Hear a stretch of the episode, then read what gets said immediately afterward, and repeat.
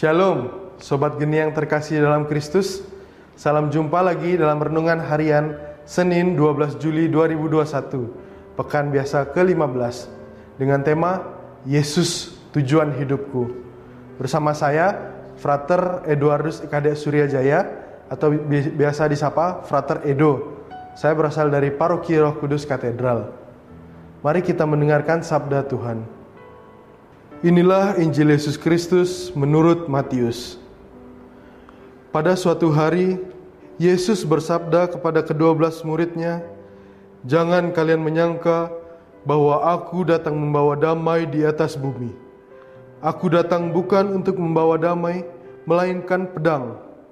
Sebab aku datang untuk memisahkan orang dari ayahnya, anak perempuan dari ibunya, menantu perempuan dari ibu mertuanya, dan musuh orang lain seisi rumahnya. Barang siapa mengasihi bapa atau ibunya lebih daripadaku, ia tidak layak bagiku. Dan barang siapa mengasihi putranya atau putrinya lebih daripadaku, ia tidak layak bagiku. Barang siapa tidak memikul salibnya dan mengikuti aku, ia tidak layak bagiku. Barang siapa mempertahankan nyawanya, ia akan kehilangan nyawanya, dan barang siapa kehilangan nyawanya demi aku, ia akan memperoleh kembali. Barang siapa menyambut kalian, ia menyambut aku, dan barang siapa menyambut aku, ia menyambut dia yang mengutus aku. Barang siapa menyambut seorang nabi sebagai nabi, ia akan menerima upah nabi, dan barang siapa menyambut seorang yang benar sebagai orang benar, ia akan menerima upah orang benar. Dan barang siapa memberi air sejuk secangkir saja kepada salah seorang yang kecil ini, karena ia muridku, aku berkata kepadamu, sungguh ia takkan kehilangan upahnya. Setelah Yesus selesai mengajar kedua belas rasulnya, ia pergi dari sana untuk mengajar dan memberitakan Injil di dalam kota-kota mereka. Demikianlah Injil Tuhan. Terpujilah Kristus.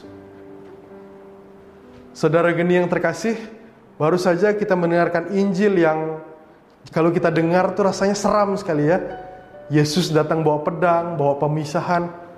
Mungkin kita dalam benak kita berpikir bahwa kok Tuhan tuh jahat ya, bawa justru bawa gini bukannya Tuhan tuh selalu membawa damai.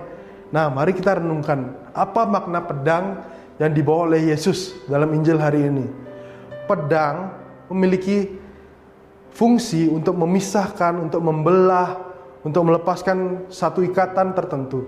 Pedang menjadi simbol pemisah.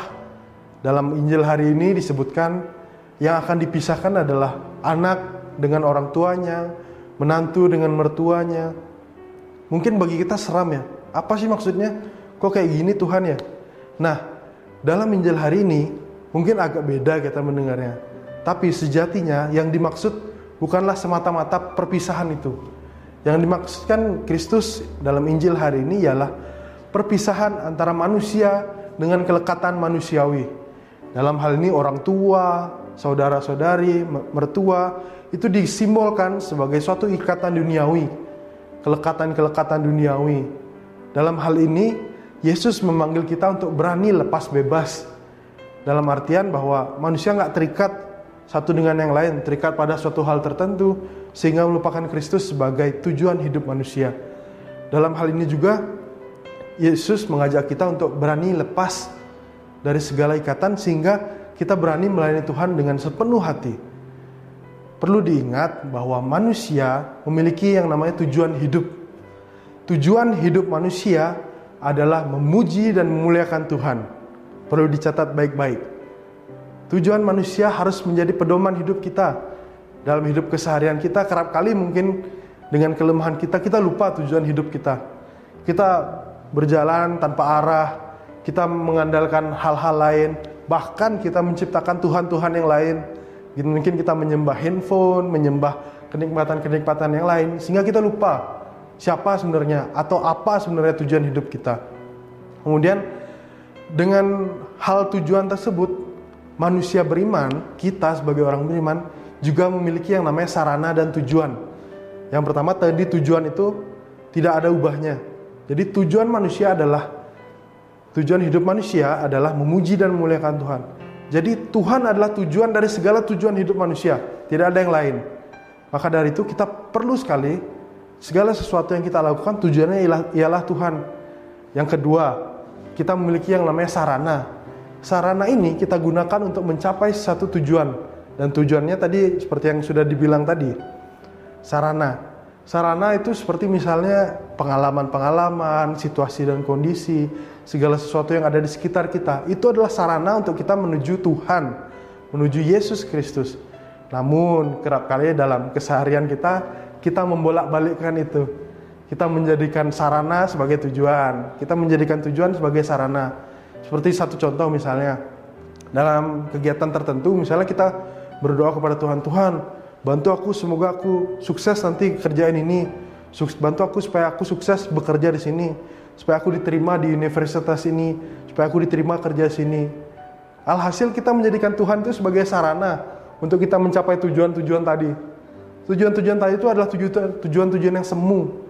Memang pada kenyataannya kita menjalani itu dalam keseharian, namun kita lupa dengan tujuan utama kita. Nah, maka dari itu kita disadarkan hari ini. Ayo kita berani berubah, menjadikan tujuan utama kita tetap menjadi tujuan utama. Jangan kita jadikan sarana. Kerap kali akhirnya kita lengah, akhirnya kita tidak menemukan kebahagiaan dari tujuan-tujuan manusiawi kita. Karena itu, karena kita tidak sadar dengan tujuan utama manusia. Maka dari itu, kita diajak untuk senantiasa mengingat tujuan hidup kita, kemudian kita ditantang sejatinya untuk menemukan Tuhan dalam segala sesuatu yang kita jumpai di sekitar kita. Mungkin ada sanak saudara kita di hadapan kita, mungkin dengan berbagai pengalaman, berbagai teguran misalnya dari orang, anggaplah itu sebagai Tuhan yang hadir. Kita harus menjadikan segala sesuatu yang ada di sekitar kita sebagai wujud Tuhan yang hadir dalam diri kita, dalam keseharian hidup kita, dalam sejarah hidup kita. Semoga dengan demikian kita makin menyadari bahwa Tuhan selalu hadir di tengah-tengah kita, Tuhan selalu melindungi kita, menjaga kita, sehingga kita dapat senantiasa menjadi murid Tuhan yang baik, menjadi orang yang baik, sehingga kita juga bisa membagikan sukacita yang kita peroleh kepada sesama di sekitar kita. Semoga demikian. Demikian renungan hari ini. Semoga ada buah-buah yang bisa kita ambil dari renungan hari ini. Semoga demikian. Sampai jumpa.